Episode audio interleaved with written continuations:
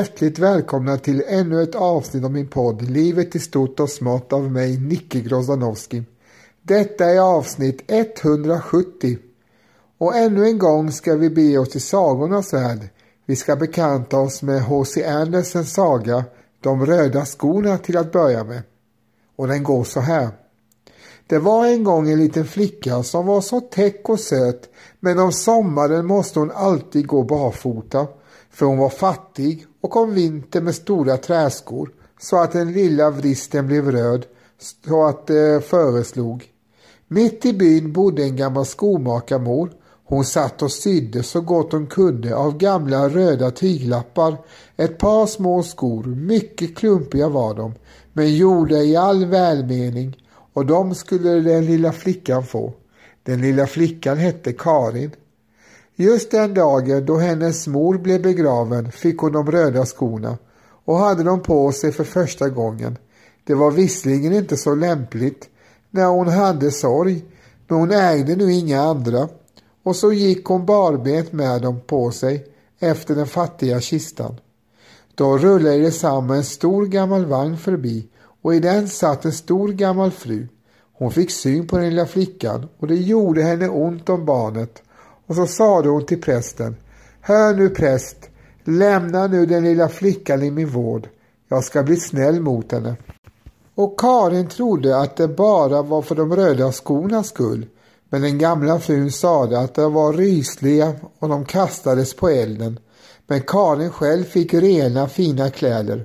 Hon fick lära sig läsa och sy och folk sade att hon var så söt. Men spegeln sade, du är mycket mer än söt. Du är jättevacker. Då reste drottningen en gång genom landet och hon hade sin lilla dotter med sig som var prinsessa och folk trängdes i stora skaror utanför slottet och där var Karin med och den lilla prinsessan stod i fina vita kläder i ett fönster och lät sig beundras. Hon hade varken släp eller guldkrona men vackra röda fårskinnsskor hade hon och de var förstås bra mycket bättre och lättare än de där som skomakarmor hade sytt till lilla Karin. Det fanns ändå ingenting i världen som gick upp emot röda skor.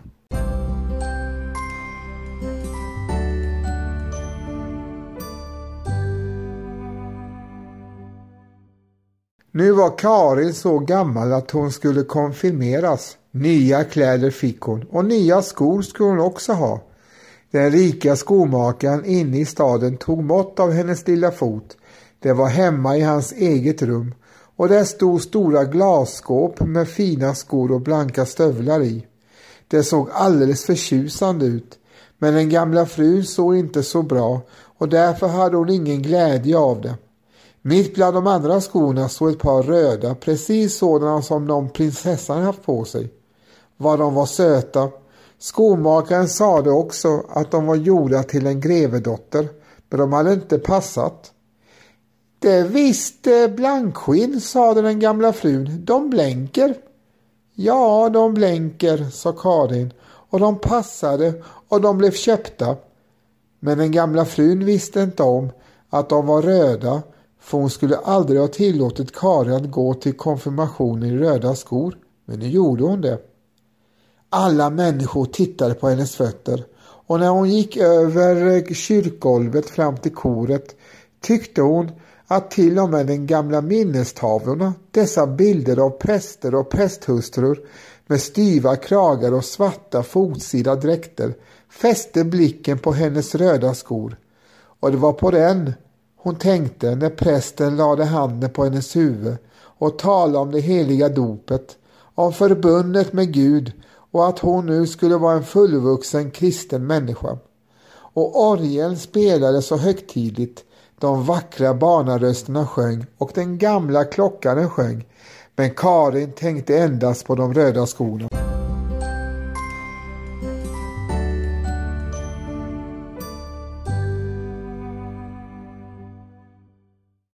På eftermiddagen hade då den gamla frun fått höra av alla människor att skorna hade varit röda och hon sade att det var illa opassande och att Karin hädanefter när hon gick i kyrkan alltid skulle gå med svarta skor, om de än vore gamla. Nästa söndag var det nattvardsgång och Karin såg på de svarta skorna. Sen såg hon på de röda och så såg hon på de röda om och om igen och till slut tog hon på sig de röda. Det var solsken och vackert väder. Karin och den gamla frun följde stigen genom åken. Där dammade det lite. Utanför kyrkdörren stod en gammal soldat med en krycka och ett besynnerligt långt skägg. Det var snarare rött än vitt. Ja, det var rött. Och han bugade sig ända ner till marken och frågade den gamla frun om han fick torka av hennes eh, skor. Och även lilla Karin sträckte fram sin lilla fot. Se så söta dansskor, sade soldaten. Sitt fast när ni dansar. Och så slog han med handen under sulorna. Och den gamla frun gav soldaten en liten slant och så gick hon in med Karin in i kyrkan. Och alla människor där inne såg på Karins röda skor och alla tavlorna såg på dem. Och när Karin böjde knä inför altaret och guldkalken sattes för hennes lilla mun tänkte hon bara på de röda skorna. Och det var som om allting hade simmat omkring i kalken framför henne, de röda skorna. Hon glömde att sjunga sin psalm. Hon glömde att läsa sitt Fader vår. Nu gick alla människor ut ur kyrkan och den gamla frun satte sig upp i sin vagn. Karin lyfte på foten för att stiga upp efter henne.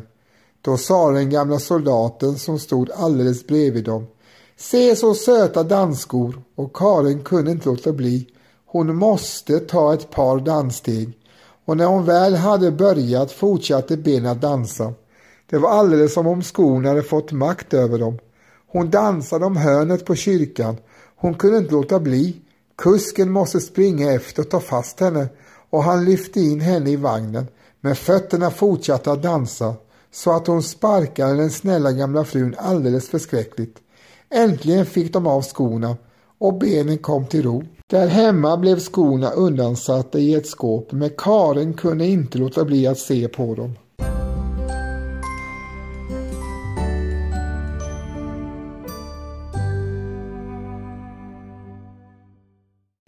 Nu låg den gamla frun sjuk. Det sades att hon inte hade lång tid kvar att leva.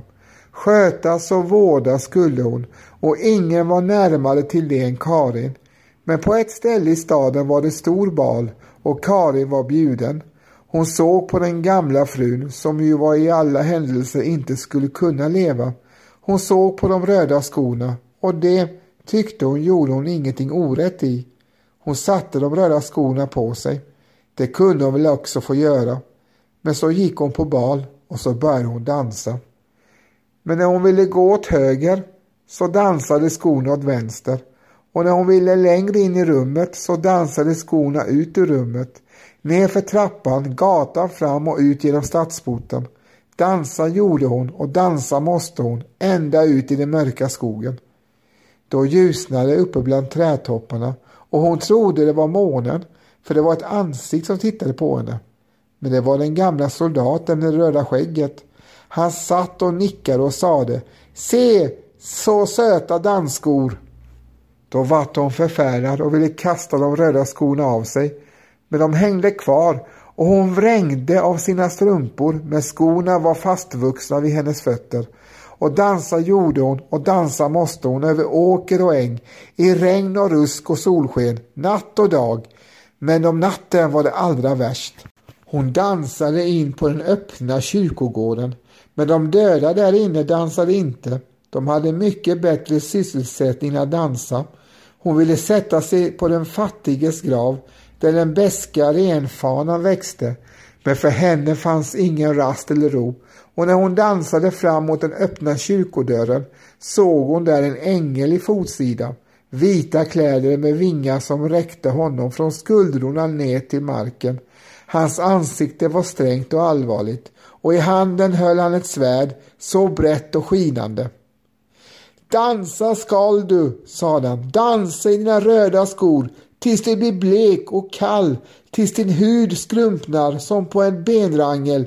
Dansa skall du, från dörr till dörr och varhelst du bor, stolta fåfängda barn, skall du knacka på så att de måtte höra dig och bäva för dig. Dansa skall du, dansa! Nåd! ropade Karin, men hon hörde inte vad ängeln svarade, för skorna bar henne ut genom grinden, ut på fältet, över vägar och stigar, och beständigt måste hon dansa.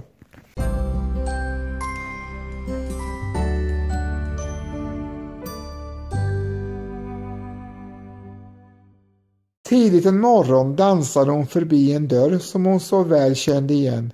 Innanför dörren tonade psalmsång, en kista bars ut, klädd med blommor. Då förstod hon att den gamla frun var död och hon tyckte nu att hon var övergiven av alla och förbannad av Guds änglar. Dansa gjorde hon och dansa måste hon, dansa i den mörka natten. Skorna bar henne över stock och sten och tönerna sårade henne till blods. Hon dansade bort över heden till en liten enslig stuga. Där visste hon att skarprättaren bodde och hon knackade med fingret på rutan och sade Kom ut, kom ut, jag kan inte komma in för jag dansar. Och skarprättaren sade Du vet väl inte vem jag är? Jag hugger huvudet av onda människor och jag kan märka att min yxa darrar. Hugg inte huvudet av mig, sade Karin, för då kan jag inte ångra min synd, men hugg av mina fötter med de röda skorna. Och så bekände hon hela sin synd och skarprättaren högg av henne fötterna med de röda skorna. Men skorna dansar med de små benfötterna bort över fältet in i den djupa skogen. Och han yxade till träben och kryckor åt henne, lärde henne en psalm, den som syndaren alltid sjunger, och hon kysste den hand som hade svingat yxan och gick bort över heden. Nu har jag lidit tillräckligt för de röda skorna, sade hon. Nu ska jag gå i kyrkan så att folk får se mig. Och hon gick och hade nog så bråttom fram mot kyrkdörren. Men då hon kom dit dansade de röda skorna framför henne och hon blev förfärad och vände sig om. Hela veckan lång var hon bedrövad och grät många bittra tårar. Men då det blev söndag igen sade hon Se så, nu har jag lidit och stridit tillräckligt. Jag skulle tro att jag är väl så god som många av dem som sitter så sturskna där inne i kyrkan. Och hon gick och var nog så modig. Men hon hann inte längre än till grinden då hon fick se de röda skorna dansa framför sig. Och hon var så förfärad och vände sig om och ångrade av all hjärta sin synd.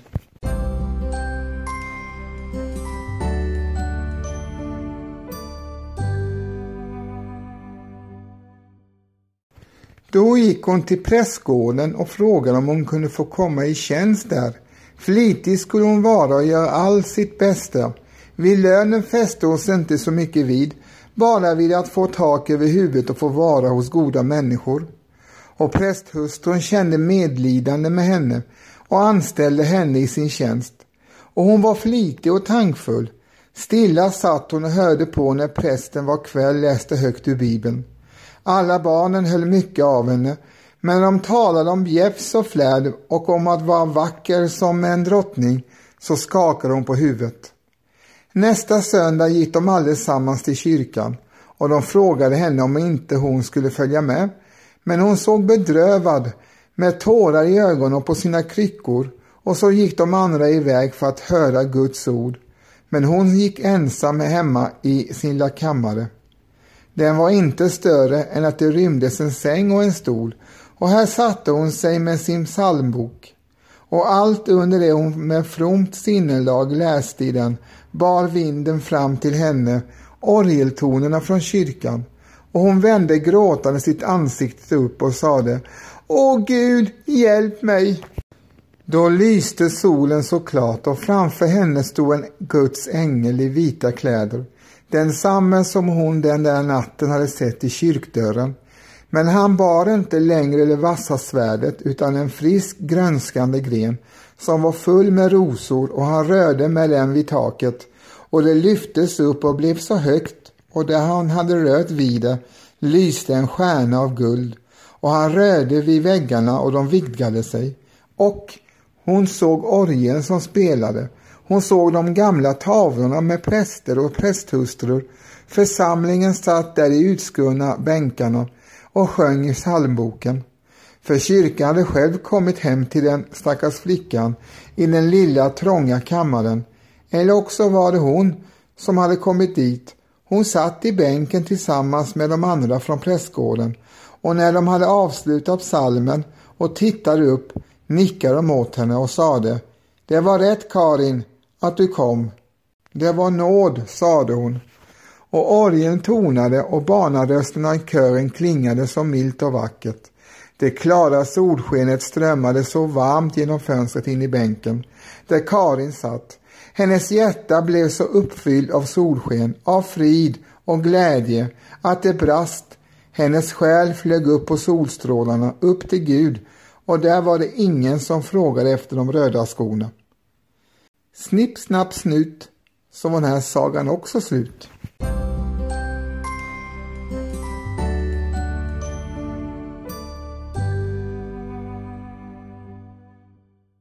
Saga nummer två jag ska berätta för er i detta avsnitt är också en H.C. Andersen-saga och den heter Den gamla ekens sista dröm och den går så här.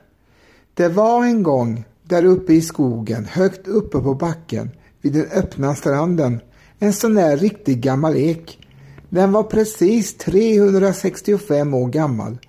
Men den långa tiden var inte mera för trädet än lika många dygn för oss människor. Vi är vakna om dagen, sover om natten och då vi har våra drömmar. Med trädet förhåller det sig annorlunda.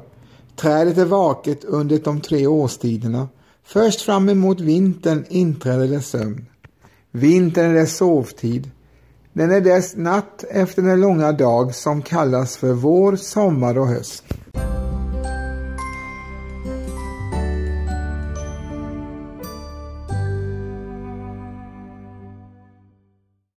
Många varma sommardagar hade dagsländan dansat omkring dess krona, levt, svävat och känt sig lycklig och vilade då den lilla varelsen för ett ögonblick fullt av stilla lycksalighet på ett av de stora gröna ekbladen. Då sade eken alltid Din lilla stackare, blott en enda dag i hela ditt liv. Hur kort ändå, det är så sorgligt. Sorgligt? Svarade alltid dagsländan. Vad menar du med det? Allt är ju så obeskrivligt ljust, så varmt och vackert och jag är så glad. Men bara en enda dag och så är allt sammans förbi. Förbi, sa dagsländan. Vad är förbi? Är också du förbi? Nej, jag lever kanske tusentals av dina dagar och min dag varar hela årstider. Det är något så långt att du inte alls kan räkna ut det. Nej, för jag förstår det inte. Du har tusentals av mina dagar, men jag har tusental av ögonblick att vara glad och lycklig i. Är det slut med all denna världens fägring när du dör? Nej, sa trädet. Den kommer visst att finnas kvar länge, oändligt mycket längre än min tanke kan fatta. Men då har vi ju lika mycket. Det är endast det att vi räknar olika.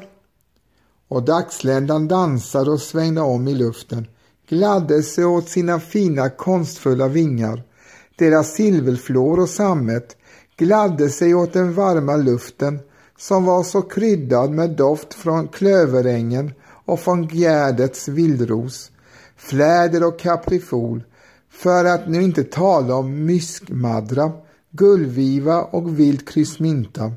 Det var en doft så stark att dagsländan tyckte sig bli smått berusad av den.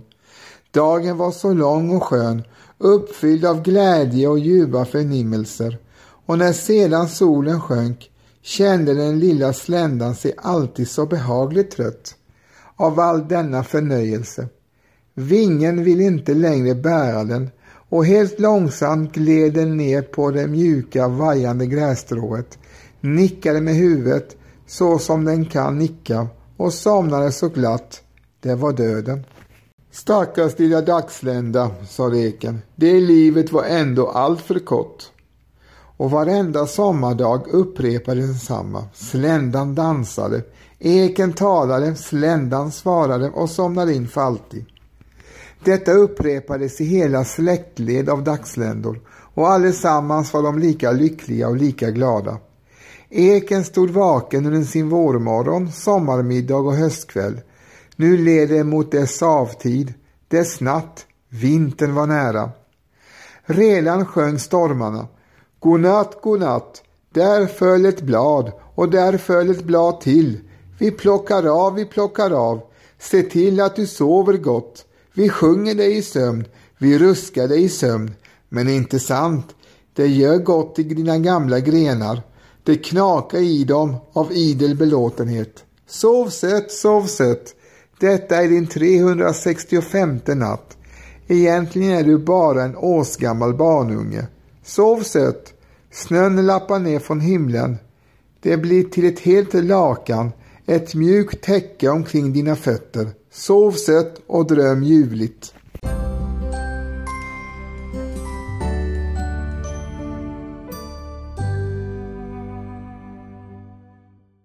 Den hade varit liten en gång, också den. Ja, ett ekollon hade varit dess vagga. Efter människornas sätt att räkna levde den nu i sitt fjärde århundrade. Det var det största och yppersta trädet i skogen. Med sin krona nådde den högt ovanför alla andra träd och kunde ses långt utifrån havet. Eken var ett landmärke. Den tänkte inte alls på hur många ögon som spanade efter den. Högt uppe i dess gröna krona byggde skogsduvorna bo och göken gol där och kom hösten när bladen såg ut som hamrat koppar kom flyttfåglarna och vilade där innan de flög bort över havet. Men nu var det vinter. Eken hade fällt sina blad. Man kunde riktigt märka hur knotiga och krokiga grenarna var. Kråkor och kajor turades om att slå sig ner där och tala om de hårda tider som stundade och hur svårt det var att livnära sig om vintern. Det var just vid den heliga juletiden då drömde eken sin vackraste dröm. Den ska vi nu få höra. Eken hade en tydlig förnimmelse av att det var högtid. Den tyckte sig höra hur alla kyrkklockor runt omkring ringde och samtidigt var det som en vacker sommardag, så milt och varmt den bredde ut sin väldiga krona så frisk och grön. Solstrålarna lekte mellan blad och grenar. Luften var uppfylld av doft från örter och buskar. Brokiga fjärilar lekte takfatt. Och dagsländerna dansade som om allting varit till bara för att de skulle kunna dansa och förlusta sig. Allt vad eken under årtal hade upplevt och sett omkring sig drog förbi som i ett helt festtåg. Den såg från forna tiders riddare och damer till häst med fjädrar i hatten och falk på handen rida genom skogen. Jakthornet klingade och hundarna skällde. Den såg fientliga soldater med blanka vapen och brokiga kläder med spjut och hillebarder slå upp sina tält och åter ta ner dem. Vaktelden blossade och man sjöng och sov under dess utbredda grenar. Den såg älskande par i stilla lycka mötas här i månskenet och skära in sina namn, den första bokstaven i dess grågröna bark. Sittra och elsharpa hade en gång, ja det var många, långa år sedan, blivit upphängda i ekens grenar av muntra vandrande vänner. Nu hängde de åter igen. Nu klingar de åter så ljuvligt.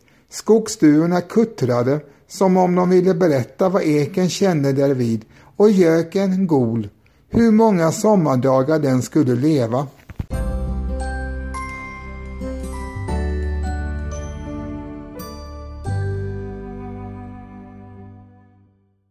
Då var det som om en ström av ny livskraft trängt ända ned i dess djupaste rötter och upp i dess högsta grenar, ända ut i bladen, Eken kände hur den sträckte på sig. Ja, den kände med sina rötter att det fanns liv och värme också nere i jorden.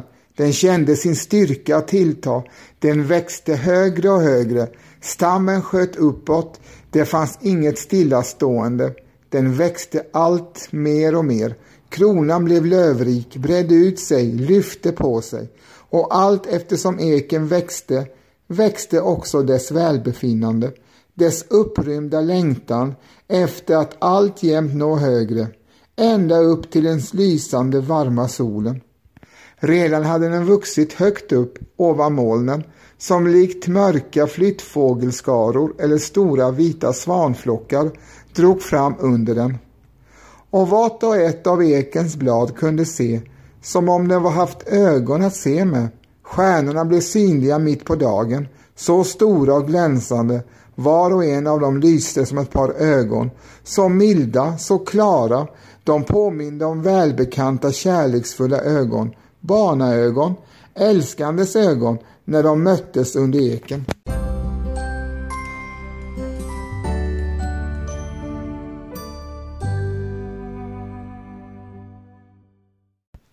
Det var ett lycksaligt ögonblick, så mättad av glädje och ändå kände den mitt i sin glädje längtan efter att alla andra träd där nedanför i skogen, alla buskar, örter och blommor skulle kunna lyfta sig de också för att känna och förnimma denna glans och glädje.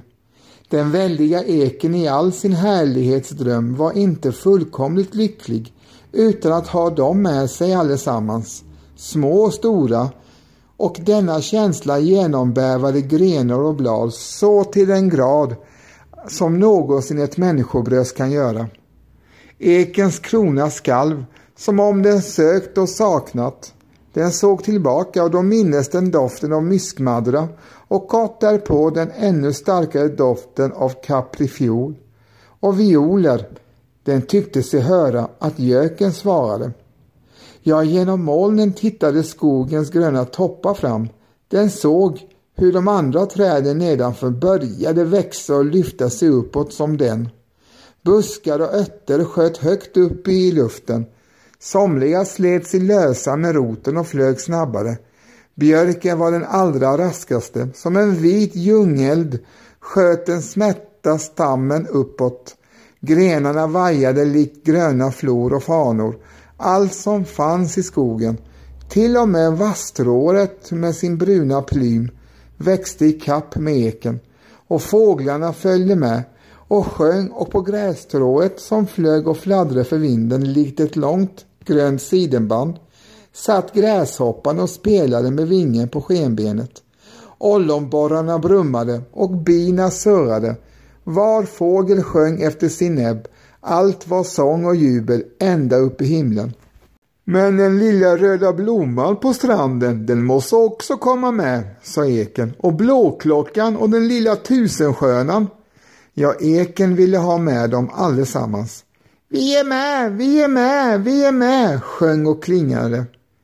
Men den vackra myskmadran från i fjol och året där förut fanns det en hel skog med liljekonvaljer och vildapeln som blommade så underbart och allt vackert i skogen sedan år tillbaka.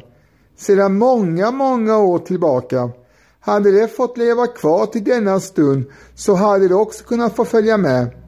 Vi är med, vi är med, vi är med, sjöng och klingade ännu högre upp. Det lät som de alla hade flugit i förväg. Nej, det är allt för otroligt vackert, jublade den gamla eken. Jag har dem med mig allesammans, små och stora, inte en enda är kvarglömd. Var är väl en sådan lycka möjlig och tänkbar? I Guds himmel är allt möjligt och tänkbart, klingade. Och eken som alltjämt växte kände hur dess rötter löste sig från marken. Det är bäst så, sa eken. Nu håller inget band mig kvar. Jag kan flyga upp i ljus och glans till det allra högsta och alla mina kära har jag med mig, små och stora, allesammans med mig. Allesammans, allesammans, ropade från skogen och överallt.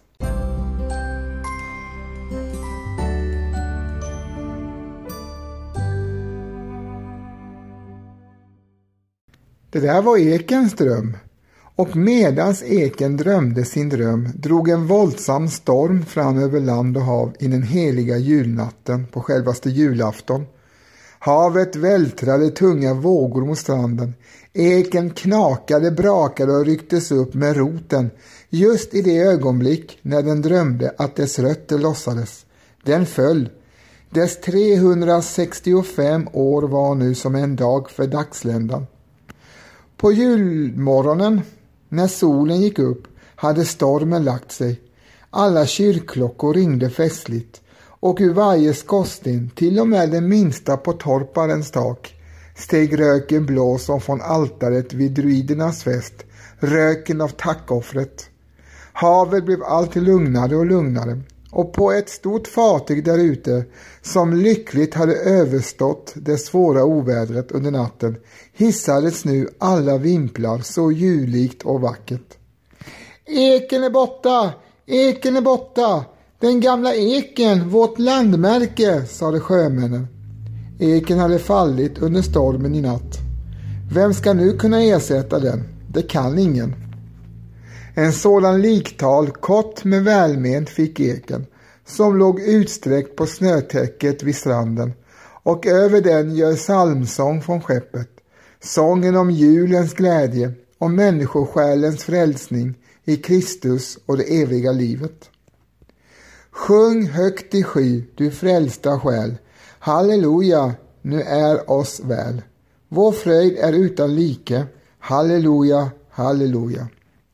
Så gör den gamla salmen och var och en där ute på skeppet kände sig på sitt sätt upplyft genom den och bönen alldeles som den gamla eken hade lyfts uppåt i sina sista skönaste dröm under julnatten.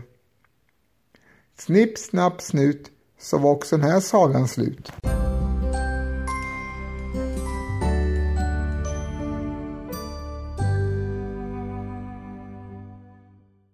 Då har ni fått höra mig, Nicke Grozanowski, berätta två sagor av den fantastiske sagoberättaren H.C. Andersen, Hans Christian som han hette i förnamn. De röda skorna och eken då, som drömde sin sista dröm. Två lite annorlunda sagor. En med som vanligt övernaturliga, lite besatthetskaraktär med skorna som lever sitt eget liv och eh, tar över en människa i det här fallet flickan Karin. Och så den vackra, härliga, väldiga fina sagan om eken som levde sitt liv i 365 år innan den slutligen föll i stormen och fick uppleva en ljuvlig dröm innan den fälldes då i stormens tjut. Jag hoppas att ni har uppskattat de här två sagorna lika mycket som jag. Min podd utkommer två gånger i veckan, nämligen onsdag och lördagar med bonusavsnitt lite då och då, så håll utkik. Och i avsnittets början fick ni höra Carl Michael Bellman eh, framföra sin visa Fjäril vingar syns på Haga, även kallad för Fredmans sång nummer 64. Och som avslutning får ni höra Par Deus med gruppen Gotthard. Tack för att ni lyssnade på avsnittet och jag hälsar dig hjärtligt välkommen till kommande släppta avsnitt. Och medan ni väntar på den så kan ni botanisera i mina tidigare släppta avsnitt. Tack än en gång för att ni lyssnade och ni var rädda om er. Tack ska ni ha. Hej då!